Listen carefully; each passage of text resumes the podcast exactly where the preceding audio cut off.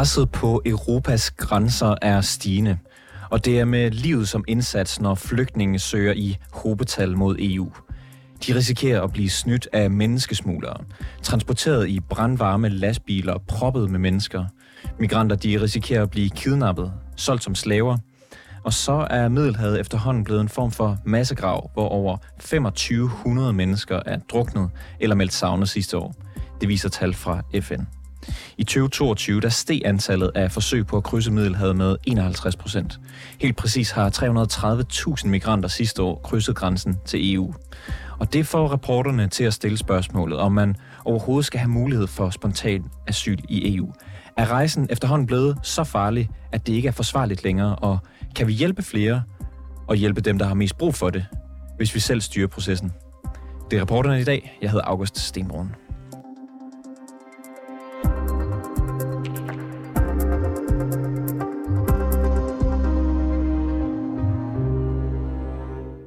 Tidligere på dagen, der talte jeg med chefredaktør på mediet Kontrast, som Mikkel Andersson, chefredaktøren, selv kalder for Danmarks borgerlige stemme. I 2019 der skrev han debatbogen Eksperimentet, der slog fejl, der kritisk gennemgår 35 års asylpolitik herhjemme. Konklusionen er, at dansk asylpolitik er fuldkommen fejlslagen og har været årsag til store problemer.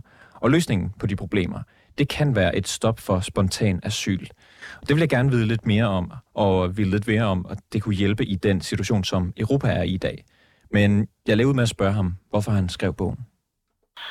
Jamen altså, det var der jo, der var, man kan sige sådan meget godt sagt, der er der to, på, to grunde, som, som, hvad kan man sige, øh, egentlig også er det, der er vores centrale argumenter bogen igennem. Jeg skrev den sammen med Niels Jespersen. Øh, skal siges, men, men det, og det er jo, at, at man kan sige, at, at problemet, altså at systemet er defekt på to måder, ikke? Det nuværende migrationssystem, som jo i vid udstrækning er, er et produkt af den udvikling, der er kommet siden, i Danmark siden udlændingeloven af 83, men i efterkrigstiden bredt betragtet. Og det er jo, at der kommer, at, at man kan sige, at en meget stor del af de asylmodtagere, som, som man i Danmark har modtaget, er kommet gennem det system, vi kalder spontan asyl. Altså det vil sige, det er ikke nogen, som, man har, som har fået visum, eller, eller at lokale myndigheder har fået ret til at indrejse i Danmark, men derimod er kommet øh, altså teknisk set har krydset grænsen til Danmark ulovlig inden gyldig indrejsetilladelse, men derfor er konventionsmæssige grunde for lov til at blive her alligevel. Øh, fordi man har et retskrav på at få sin asylansøgning behandlet. Det havde man ikke før 1983. Øhm, og, og det betyder, at vi er gået fra øh, omkring 1981, der havde vi omkring 60.000 personer med ikke-vestlig baggrund i Danmark. I dag har vi et sted mellem 500 og 600.000. Det er den største demografiske forandring af Danmarks historie nogensinde. Øh, og helt uden sammenligning i forhold til, hvad vi kender i forhold til genotter og ropolakker og, og øh, hollænder på Amager og alt muligt andet, som folk også i, i ny og river, river frem. Har taler vi om få tusinder typisk, der er kommet af de grupper, og her taler vi altså om, om, om adskillige 100.000, der er konsekvensen af, af den indvandringspolitik, der er ført. Det mener jeg jo, at det argumenterer vi for i bogen, har haft en række negative konsekvenser, uden at jeg vil underkende, at der er mange positive konsekvenser, mange enkelte individer, som har bidraget til Danmark og gør det fint og naturligvis opfører sig forbilledeligt og har både opfundet ting og indgået på arbejdsmarkedet, men overordnet set må man sige, at den her, den her politiks konsekvenser har været markant øget sociale spændinger over en lang række fronter, altså i forhold til religion, i forhold til ytringsfrihed, i forhold til kulturelle praksiser osv. osv. osv. Ifølge EU's grænseagentur Frontex, der er noget antallet af forsøg på at krydse grænsen til EU illegalt øh, et niveau i 2022, der ikke er set siden flygtningekrisen i 15-16 og forventningen er, at det her pres kun vil vokse. Du følger jo en del med i det her. Kan du ikke starte med at skitsere flygtningssituationen i Europa lige nu? Jo, altså vi skal være klar over, at vi er stadigvæk inde i forårsmånederne, og det vil, det vil typisk være i hen over sommeren og, og i de tidlige efterårsmåneder, at vi ser de rigtig, de rigtig store ankomsttal. Øh, altså da det toppede i, øh, i, i 2015, der var november den måned, hvor der var flest, der, der krydsede i hvert fald Middelhavsruten. Der er også en, en Balkanrute, men hvis vi kun kigger på Middelhavet. Øh, så, og det man så kan sige, det er, at vi i 23 har set nogle tal, der kunne indikere, at der kommer en stigning. Det er ikke sikkert endnu. Altså det skal vi være klar over. Altså under coronaperioden for eksempel har der ikke været særlig mange, der har krydset øh, Middelhavet. Men der er nogle ting, der indikerer, at der kunne komme flere nu, og det er der nogle lande, som i høj grad Belgien, øh, men også Østrig og forskellige andre lande, som har oplevet, at der er kommet rigtig, rigtig mange asylansøgere til. Så vi står i en situation, hvor det lige nu er uklart, om der kommer en massiv, sådan stor flygtningestrøm i løbet af sommeren, men vi kan i hvert fald ikke udelukke det. Ved man, hvorfor at der er kommet flere, eller hvorfor der er flere på vej? Altså, hvad er det, der er skyld i det? Øh, altså, der er nogle ting i forhold til, at øh, nogle af de nordafrikanske lande, blandt andet Tunesien, har nogle interne politiske genvordigheder, hvor øh, og de er jo transitlande, hvor man kan sige, at der er en del folk, der, der dybest set kommer fra, fra, fra sydligere dele af Afrika, og egentlig også fra, øh, det så vi i hvert fald i 2015, folk, der, der, der kom fra, fra mellemøstlige lande, altså der bruger dem som en slags indgangsportal til Europa. Der har der været en del af forskellige grunde, også afrikanere, der har opholdt sig i blandt andet Tunesien, men som så er interne grunde, altså fordi man også har slået ned på, hvad skal vi sige, sige uh, immigranter, der gæstearbejder og forskellige andre ting i nogle af de her lande, at man så ligesom øh, kan have en idé om, at der er flere, der vil søge over Middelhavet af de her grunde, men det er meget svært at vide præcis, hvad det er for nogle dynamikker, der driver det. Altså det er selvfølgelig klart, at i 2015 var det i høj grad Syriens flygtninge, der, der, der var en væsentlig del af dem, som kom i flygtningestrømmen, men det var jo langt fra kun dem. Det var jo lige så meget en funktion af, at, at muligheden for at komme over og for at krydse øh, var, var langt mere tilgængelig for rigtig mange, fordi smuglerruterne var, var, var simpelthen meget mere befærdet, så, så, så der var, det var en meget, meget blandet gruppe, der kom på de her tidspunkter. Vi hører, at, at der er øh, et niveau, der ikke er set siden flygtningekrisen i 15-16 på Europas ydre grænser, men hvordan ser det ud i Danmark?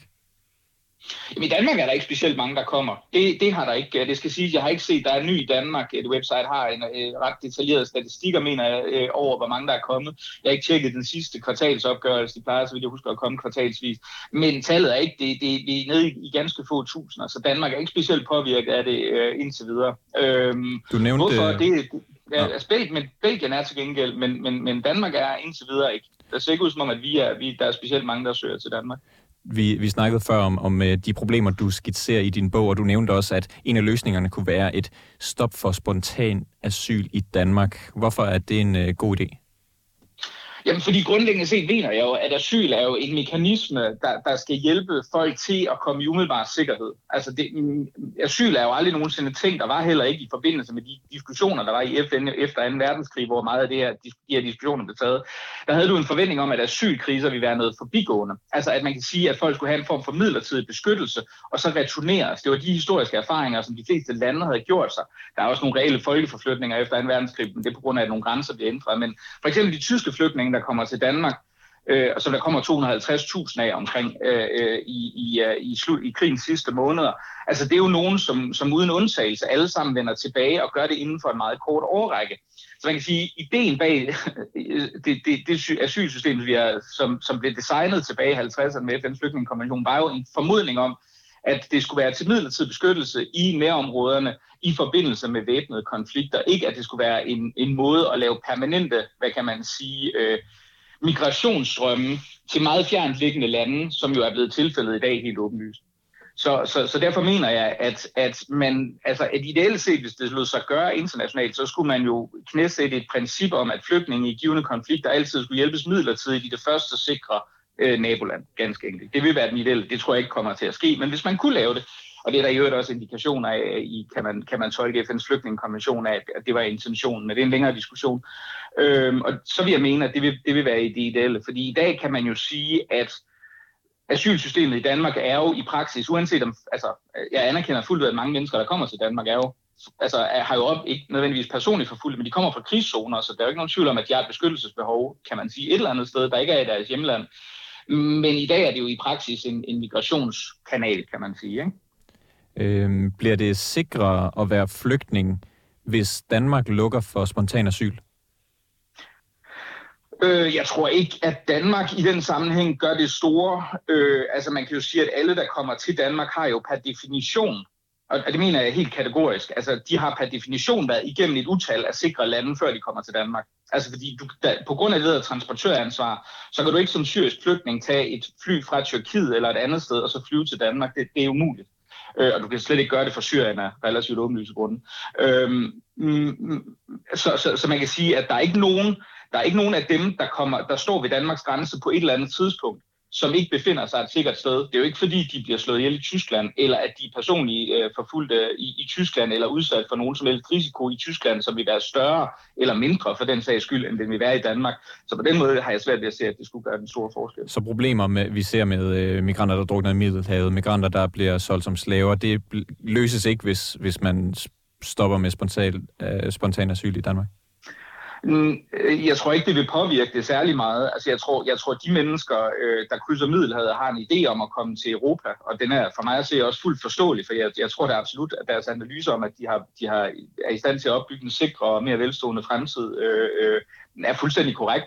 Men jeg tror ikke, Danmark spiller den store rolle i forhold til det her. Men jeg mener, jeg mener jo, det, det, det, det, det, det problematiske er jo, at fordi ideelt set, og det vil jeg jo altid mene, mener jeg jo, at Europa skulle droppe det her princip omkring spontan asyl og sige, at vi varetager nogle, nogle, øh, og overtager nogle funktioner i nogle nærområder, som vi økonomisk set kan, kan gøre langt mere i forhold til øh, for de ressourcer, som et relativt lille antal af folk, der kommer til Europa lige nu, kræver. Og når jeg siger relativt lille, så mener jeg i forhold til det samlede antal flygtninge i verden. Ikke? Altså det er jo, vi skal jo være klar over, at der kom 1,5 millioner flygtninge til, Europa i 2015, og det skabte jo massive politiske forandringer i Danmark og alle mulige andre lande, som jeg tror, særligt hvis man tilhører den sådan mere humanistiske venstrefløj, måske ikke synes var entydigt positive. Men man skal jo huske på, at i for eksempel Libanon har du jo et tilsvar, altså jeg ved ikke, hvor, hvad stort antallet var endnu, men på det tidspunkt havde du jo omkring et tilsvarende antal, altså omkring 1,5 millioner som opholdt sig alene i et lille, lille, lille bitte land, og som var markant mere nødlidende end, end, end dem, der altså formoder at komme til Europa og få en, en naturligvis en højere levestandard her. Vil det blive sikrere at være flygtning i, i verden, hvis EU lukkede for spontan asyl så? Det kommer an på ret meget, ikke? fordi man kan sige, at, at det, som vi slår til lyd for, er jo, at man i høj grad omallokerer, en, hvis ikke alle, så i hvert fald en meget, meget stor del af de ressourcer, som vi bruger på at be, behandle spontane asylansøgere i Vesteuropa, på at lave nogle samarbejder og, og, og nogle funktioner, hvor man hjælper folk i de områderne. Ikke? Altså det kunne være eksisterende lejre, som man går ind og leverer lægehjælp, indkvartering, øh, øh uddannelse, øh, ressourcer, sanitet, alt muligt andet, som er fraværende i mange af, af, af de her meget store lejre, der findes både i Mellemøsten og, og, og for den sags skyld også i, i Afrika. Øh, hvis man gjorde det, så vil jeg i hvert fald mene, at der vil være flere mennesker, der fik en bedre levestandard og formodentlig, formodentlig også øh, øh, hvad det hedder, højere sikkerhed i forhold til, til, til, til at risikere at befinde sig i en krigszone. Men det er svært at sige. Altså, det er jo, det, det, det er jo et, et, øh, et spørgsmål om, hvordan man implementerer en given politik, som ikke findes lige nu. Men det, jeg bare kan konstatere, og som vi også argumenterer for i bogen, er jo, at den nuværende politik i hvert fald er ekstremt dysfunktionel i begge henseender, fordi du hjælper et meget, meget lille antal af den samlede mængde nødlidende for e, ekstremt mange penge, og det er samtidig også dem, der trods alt er igen relativt mest ressourcestærke, for de svageste, der sidder i Afghanistan, i Syrien, i Iran, forskellige andre steder, dem, har vi jo ikke, altså dem giver vi jo reelt ikke noget. De har ikke muligheden for at rejse til Europa og betale menneskesmugler om, øh, formodentlig et, et, på den pæne side af, til 20.000 kroner for at krydse Middelhavet. Ikke? Hvis, øh, hvis man i Europa sidder og, og frygter, eller er, øh, hvad kan man sige, er bekymret for, at der kommer sådan endnu en, en bølge af migranter, hvad vil du så, hvis du havde øh, Ursula von der Leyens øre, hvad vil du sige til hende, hun burde gøre? Jamen, altså, jeg vil, jo, jeg vil jo i den grad sige, at det vigtige er, at man får taget et grundlæggende opgør med det asylsystem, som vi har nu. Altså, jeg mener, at, at princippet om at princippet om spontan asyl er, er grundlæggende set defekt, og det bliver man nødt til at gøre op med på, på, på fundamental vis, og sige, at princippet, vi skal knæsætte, er, at man hjælper i første sikre naboland, og så gør man det, og, det, og der skal e- Europas muskler jo så allokeres til at kunne gøre det langt bedre, end man gør nu, hvor vi i stedet for vælger at bestikke Erdogan med, med nogle milliarder, hvis det kan sætte en prop i hullet midlertidigt. Men det tror jeg ikke er realistisk, men det burde være det, man gjorde. Øh, hvis man, det er der flere eksperter, der har øh, nævnt, laver sådan et asylstop, som du taler om, så vil det nok bryde internationale konventioner. Det kan vel have en del konsekvenser for Danmark, hvis vi bryder dem. Jeg kan ikke forstå Ja, ja, altså, det, ja, absolut. Ja, helt sikkert. Øh, det skriver vi også om. Altså, jeg har et længere kapitel om det. Altså, det vil typisk være tyskerne, der vil, der vil kunne gå ind og blive sure over det.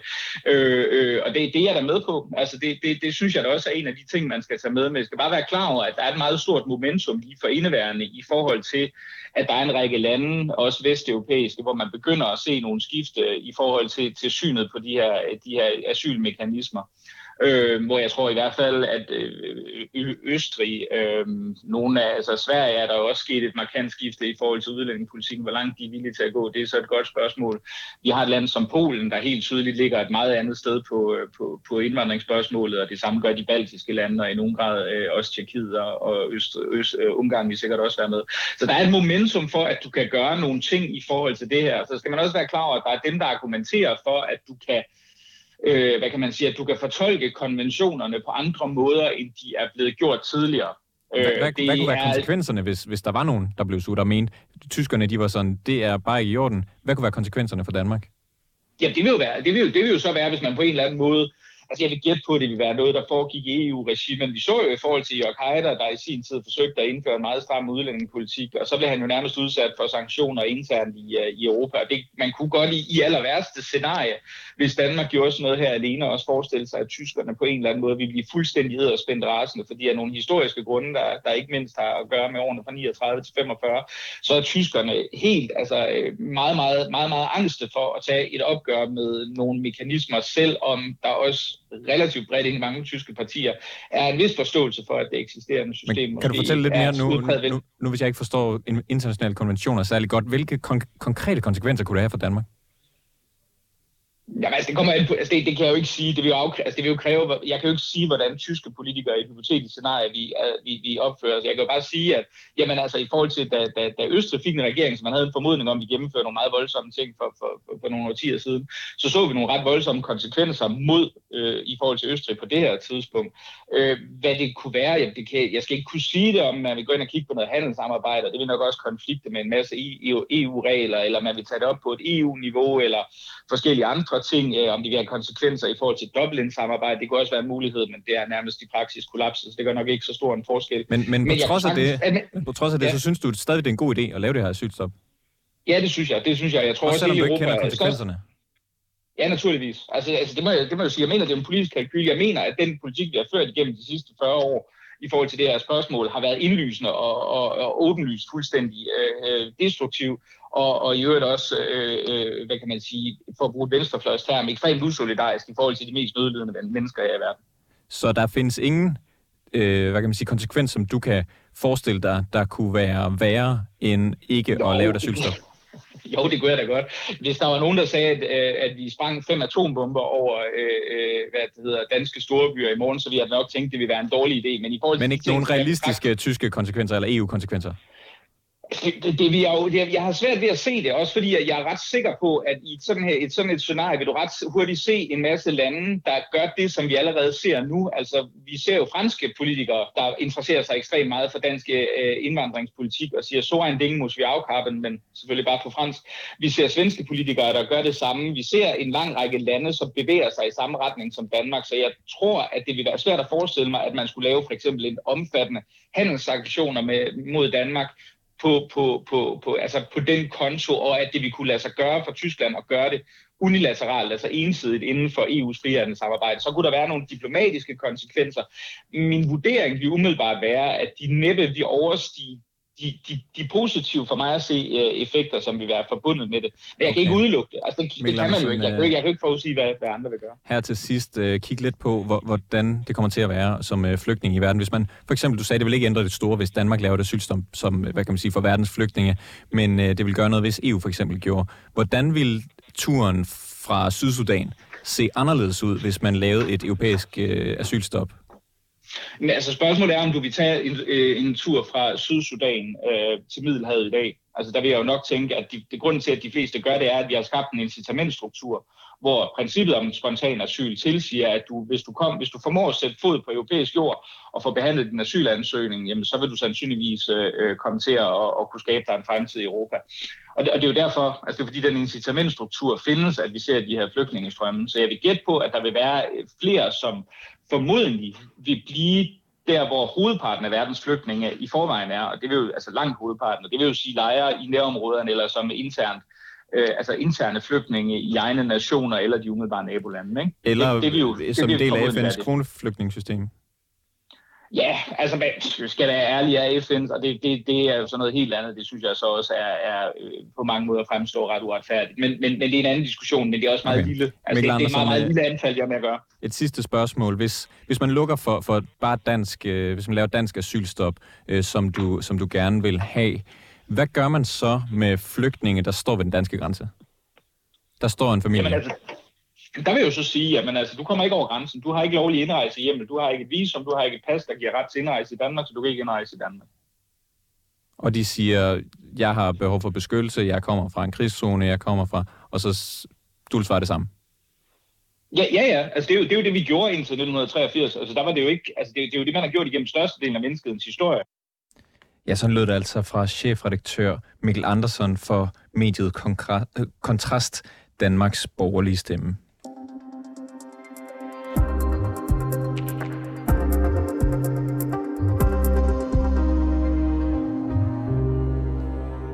Det var alt for reporterne i dag. Tak fordi du lyttede med. Ligger du inde med noget, vi skal undersøge, eller har du ris eller ros til programmet, så kan du altid skrive til os på reporterne 247.dk.